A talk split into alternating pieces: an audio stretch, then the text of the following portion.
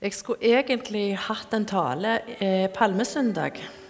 Og jeg begynte å jobbe med palmesøndagteksten. Og da jeg hadde jobba med den en god stund, så begynte jeg å tenke denne talen passer egentlig ikke så enormt godt til palmesøndag. Og så kom korona, og alt ble stengt ned. Så fikk jeg forespørsel om å tale nå i høst, og så tenkte jeg jeg har jo en liggende som jeg jobbet med i vår. Og det var akkurat jeg fikk en følelse av at eh, Gud visste at den talen skulle jeg ikke ha på palmesøndag. For, men jeg ville bare si det, for dette utgangspunktet for talen Når jeg begynner på talen, så høres det ut som en påsketale. Men det var veldig mye som eh, rørte seg. Det var veldig mange spørsmål som datt ned i hodet på meg idet jeg leste den palme, eh, palmesøndagteksten som jeg holdt på med da. Palmesøndag det var den dagen da Jesus rei inn i Jerusalem på en eselfole. Det var masse folk som flokka seg rundt han, vifta med greiner og ropte Hosianna. Jeg begynte å lure på hvor kom alle disse folka ifra? Hvorfor, hvorfor kom de? Hva hadde vitnesbyrdet til den enkelte vært? Og så så jeg for meg korsfestelsen, der den, en like stor folkemengde, og kanskje større, står og roper 'Korsfest, korsfest'. Hvor ble disse folka av som hadde ropt 'Hosianna, Hosianna'? Så begynte jeg å gå gjennom Johannesevangeliet og så begynte jeg å lete litt etter hva var folk sine vitnesbyrd om Jesus. Og hvem sa Jesus sjøl at han var? Og så klarer jeg jo ikke helt å unngå å stille meg sjøl det spørsmålet Hvem er Jesus for meg? Hvem tror jeg at han er?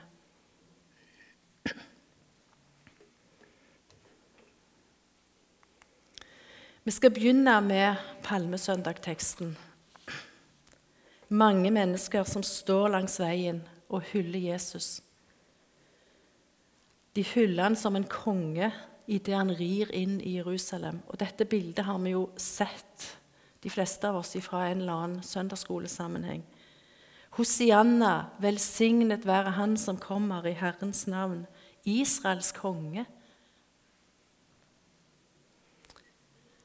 Altså i neste omgang en flokk som står og roper 'Korsfest, korsfest'. Bibelen sier ganske mye om at folk lar seg begeistre, og vi lar oss rive med av det vi ser og hører. I Johannes 12, 17 så står det alle de som hadde vært til stede da han kalte Lasarus ut av graven og vekket han opp fra de døde, vitna om det. Det var også derfor folk dro ut for å møte han, fordi de fikk høre at han hadde gjort dette tegnet. Påsken viser oss at til og med de som hadde fulgt Jesus tett i noen år, de som hadde vært nære venner, til og med de ble borte i en periode. For de ble så usikre på det som hadde skjedd, og de var redde. Etterfølgelse av Jesus det er noe mer enn begeistring og godfølelse. Og når vi drømmer om å, å, å fylle opp misjonssalen i et nytt bygg om en stund, så ønsker vi jo ikke at folk bare skal samles fordi det er der det skjer. Vi ønsker òg å formidle et slitesterkt disippelskap. Store folkemengder og begeistring det er ikke nok. Jesu evangelium er noe mer enn folk som flokker seg. Johannesevangeliet det forteller om mennesker som ble hos Jesus, og om mennesker som fulgte strømmen vekk ifra han. For En stund tilbake så satt jeg her i misjonssalen og hørte, eller så en video med, som viste at kristne som var, altså folk som var blitt kristne, mista familie og venner fordi de var blitt kristne. Folk som blir utestengt fra studiesteder og jobber. Folk som blir mishandla, fengsla og drept. Og så ble jeg sittende og tenke den gangen Hvis jeg hadde mista alt som betyr noe for meg i hverdagen, vil jeg da ha valgt Jesus? Jesus? Eller er jeg en av de som lar meg begeistre, og så forsvinner jeg ut i skyggene eh, den dagen det begynner å bli vanskelig? Jeg vet egentlig ikke helt hvordan jeg vil reagere hvis det begynner å bli vanskelig til å koste mye å være i flokken rundt Jesus. På nettet så fant jeg en tale av, av Norea-pastor Svein Anton Hansen. Eh, og Der står det overfladisk Jesu tro hjelper lite. Noen tar imot ordet og troen med glede, men troen stikker ikke veldig dypt. Forpliktende disippelskap og forpliktelse på Guds ord mangler.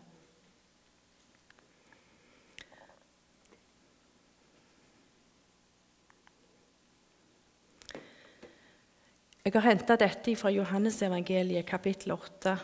Hvis dere blir i mitt ord, er dere virkelig mine disipler.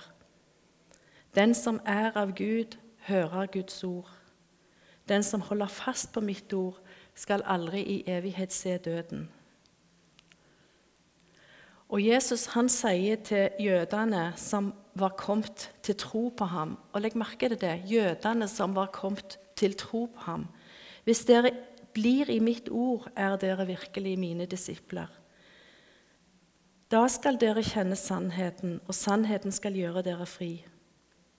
Disse jødene de hadde sett Jesu tegn og under.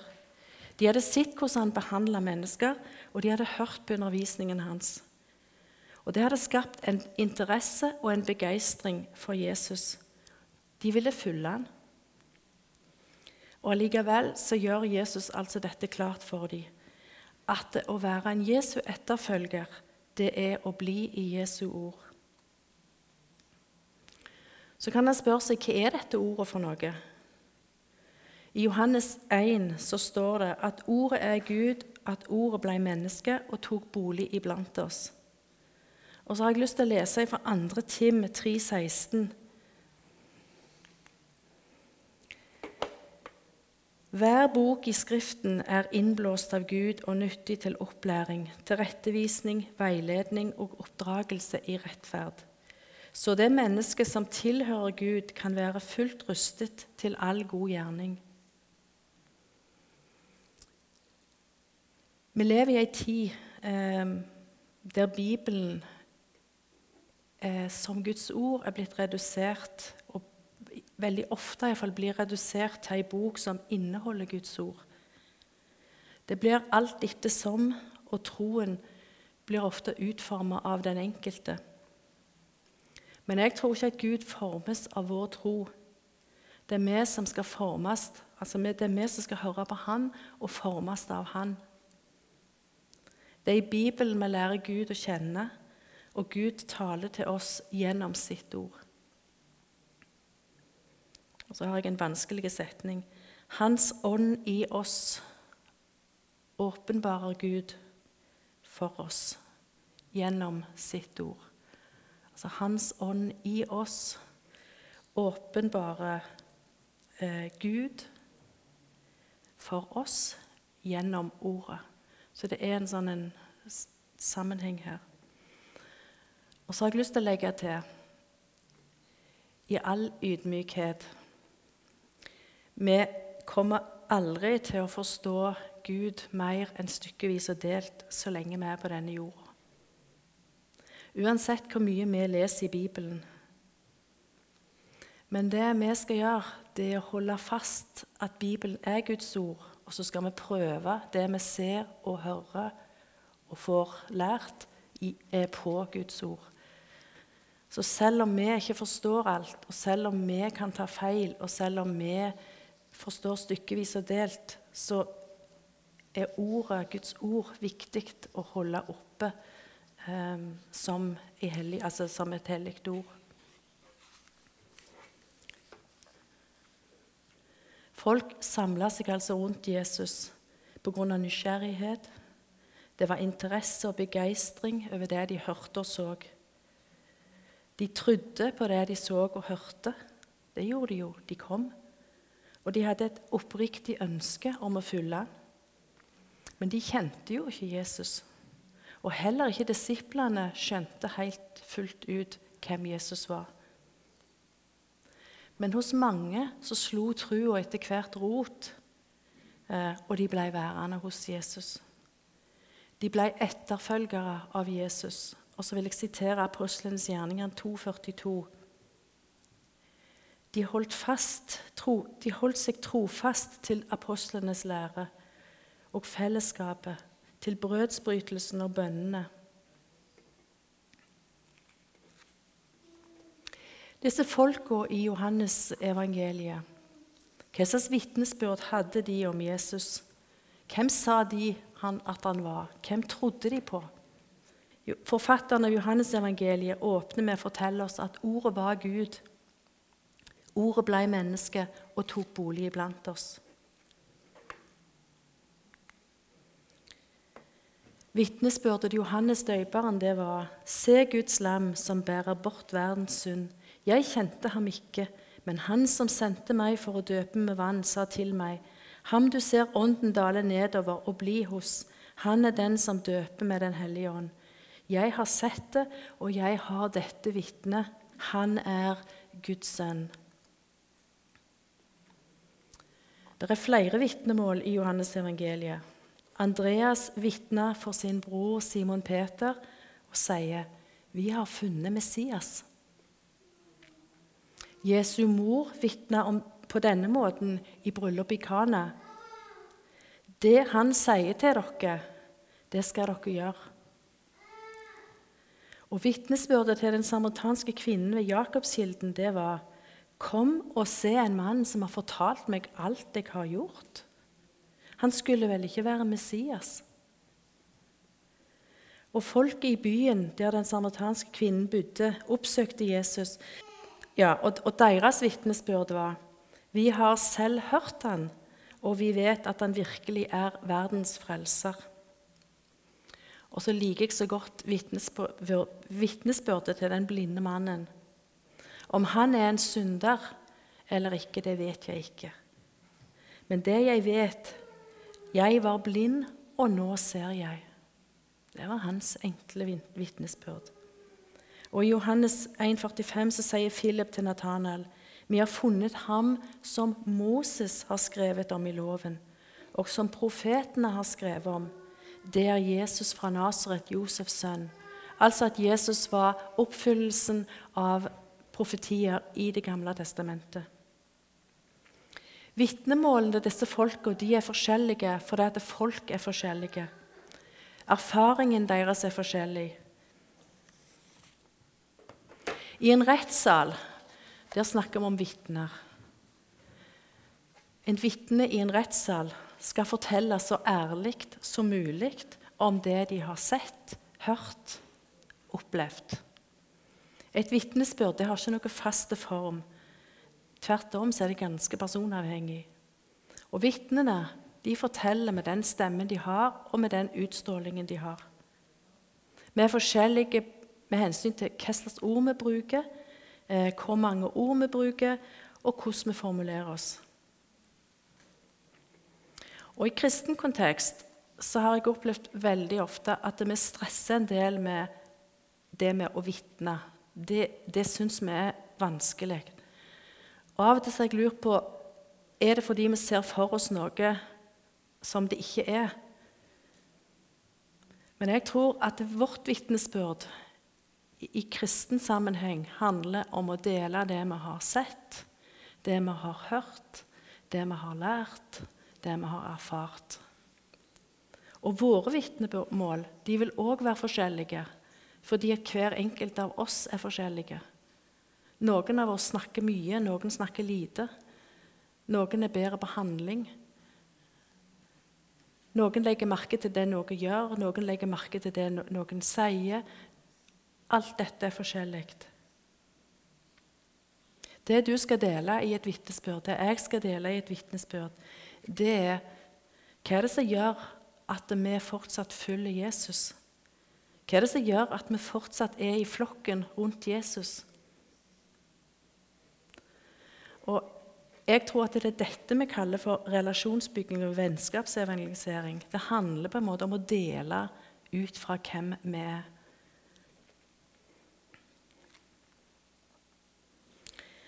Så skal vi se litt på hvem Jesus sier han er.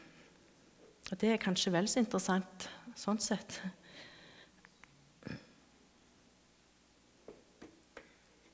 Jeg skal først lese noe fra første, eh, andre Mosebok. Ehm, for det gir kastet lys over en del av det som Jesus sier om seg sjøl. Da sa Moses til Gud.: Sett at jeg går til israelittene og, og, sier til dem:" Deres fedres Gud har sendt meg til dere, og de spør:" Hva er hans navn? Hva skal jeg da svare dem? Gud svarte Moses:" Jeg er den jeg er. Og han sa:" Slik skal du svare israelittene:" Jeg er, har sendt meg til dere. Og Jesus har ulike 'jeg er'-utsagn i Johannes evangeliet.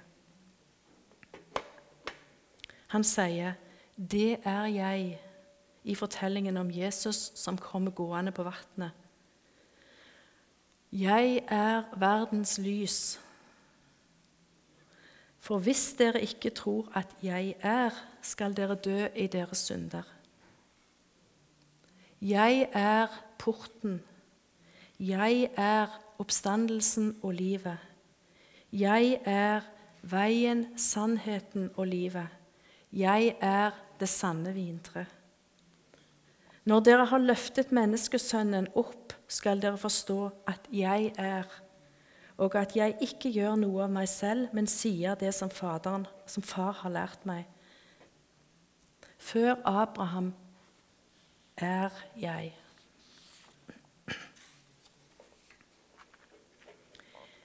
I Johannes, de kjente versene i Johannes 3, 16-18 så står det For så høyt har Gud elsket verden at han ga sin sønn den enbårne, for at hver den som tror på ham, ikke skal gå fortapt, men ha evig liv. Gud sendte ikke sin sønn til verden for å dømme verden, men for at verden skulle bli frelst ved ham. Den som tror på ham, blir ikke dømt. Den som ikke tror, er allerede dømt fordi han ikke har trodd på Guds enbårne sønns navn. Jesus er den enbårne som er Gud, og han har vist oss og viser oss hvem Gud er. Johannes evangeliet forteller oss òg en del om hvordan Jesus møtte mennesker. Eh, evangeliet viser at Jesus både konfronterte og rydda opp.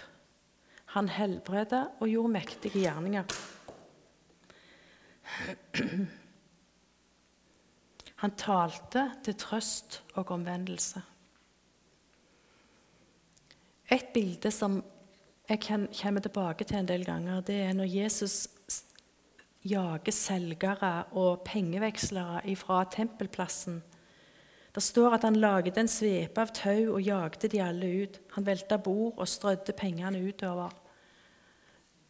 Litt dramatisk oppgjør. Det står òg at Jesus stadig tok oppgjør eh, med de skriftlærde og fariseerne.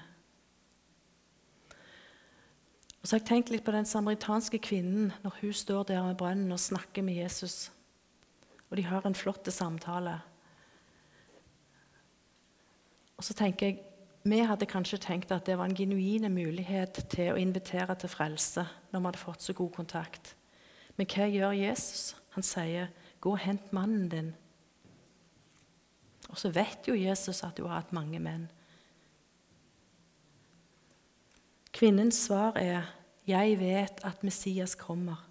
Og kvinnen fortsetter. Og når han kommer, skal han fortelle oss alt.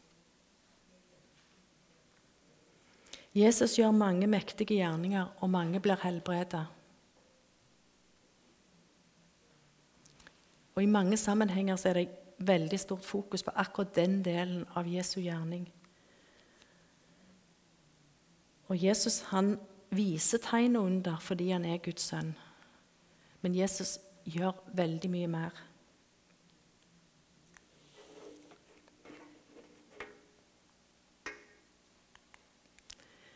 To av de som kjente Jesus veldig godt, det var Martha og Maria. Eh, de var gode venner, og de var disipler.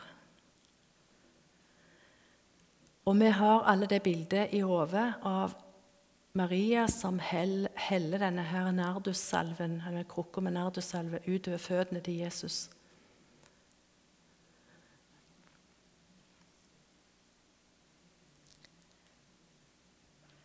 Og den salven den kosta i Åsland. Det var kjempedyre salve. Og folk rundt kritiserte og tenkte at hvorfor sløser hun vekk alt denne salven på Jesus? Hvorfor gjorde, hvorfor gjorde Maria dette? Hvorfor, hvorfor helte hun denne salven utover Jesus? Det forteller oss jo noe om hva slags forhold Maria hadde til Jesus.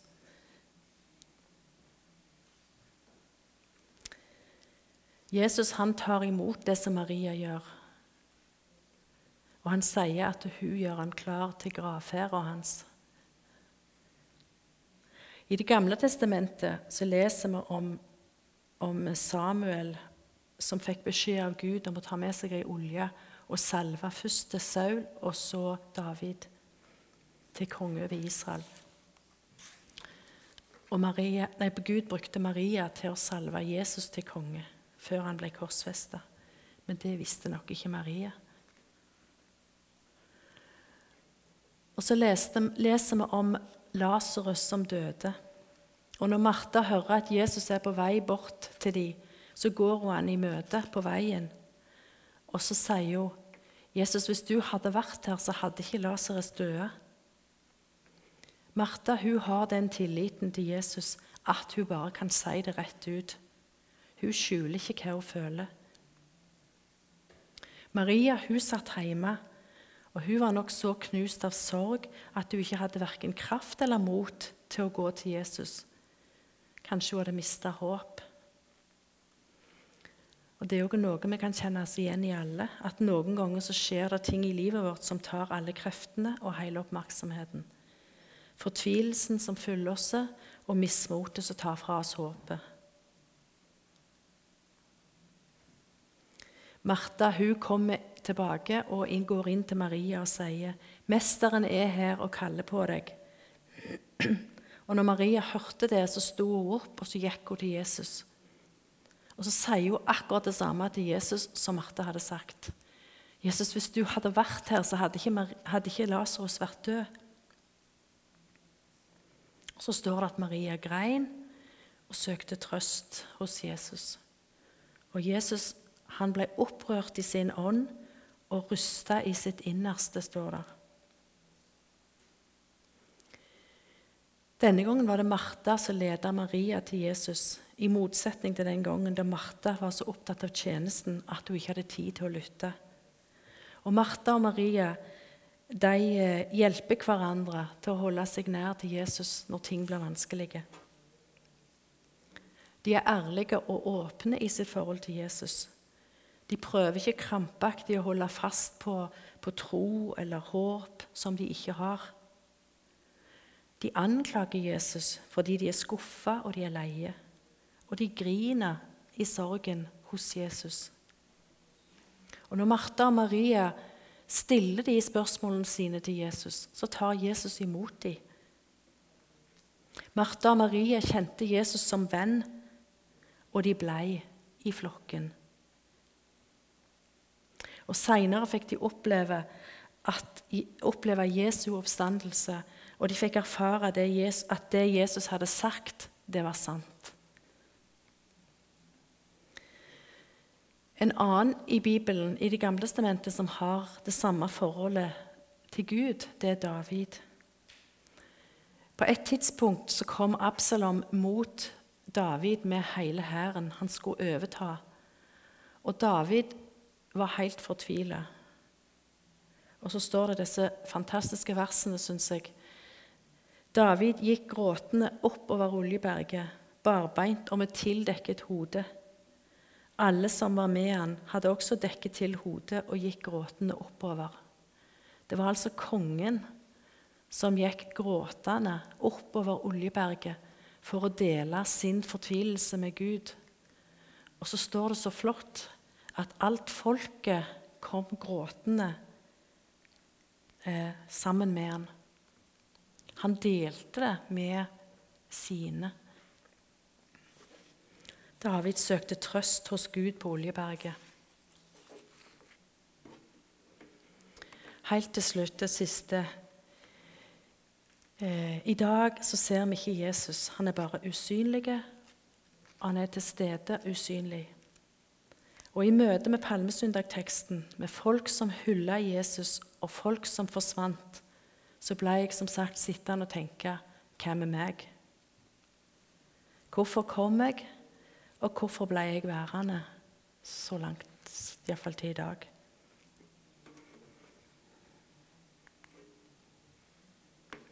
Vi flytta til Canada rett før jeg ble sju år, og mormor lærte meg ei kveldsbønn.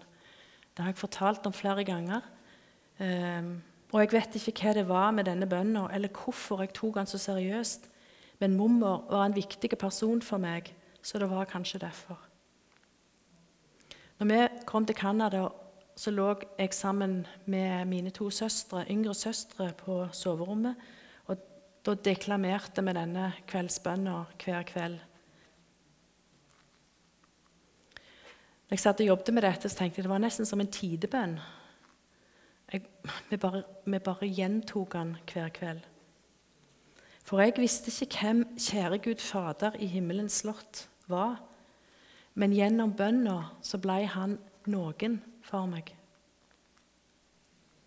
Da jeg var ti år, så fikk jeg et, et lite gult, gull, gullfarga Nytestamentet på skolen av Gideon.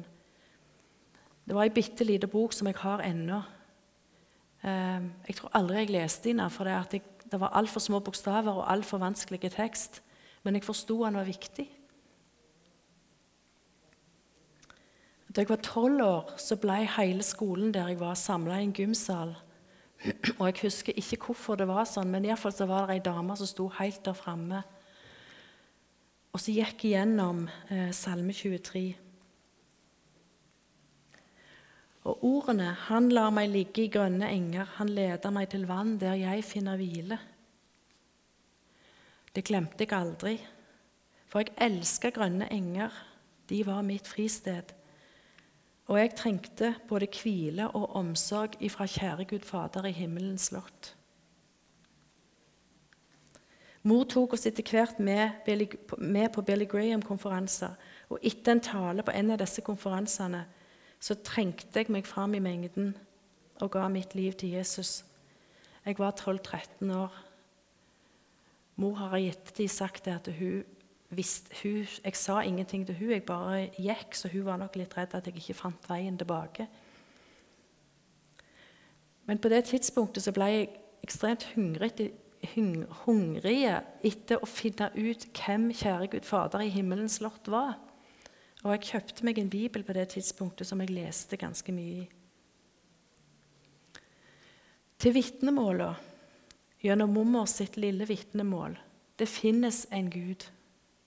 Gjennom Gideon Gud har et ord.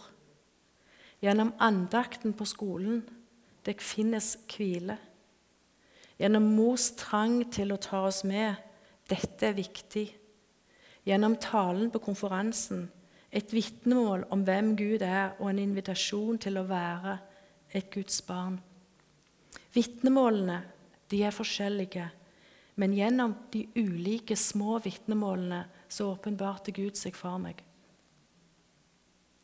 Jesus gjorde seg til kjenne hos ei lita jente som trengte noen som var større enn seg sjøl. Han overbeviste meg om at Bibelen er Guds ord, og jeg trodde på det jeg leste. Og sånn fikk jeg støtte og lys på livsveien i et krevende farvann. Jeg tror at mitt fremste vitnemål om Jesus er jeg har møtt en som ser meg, en som er.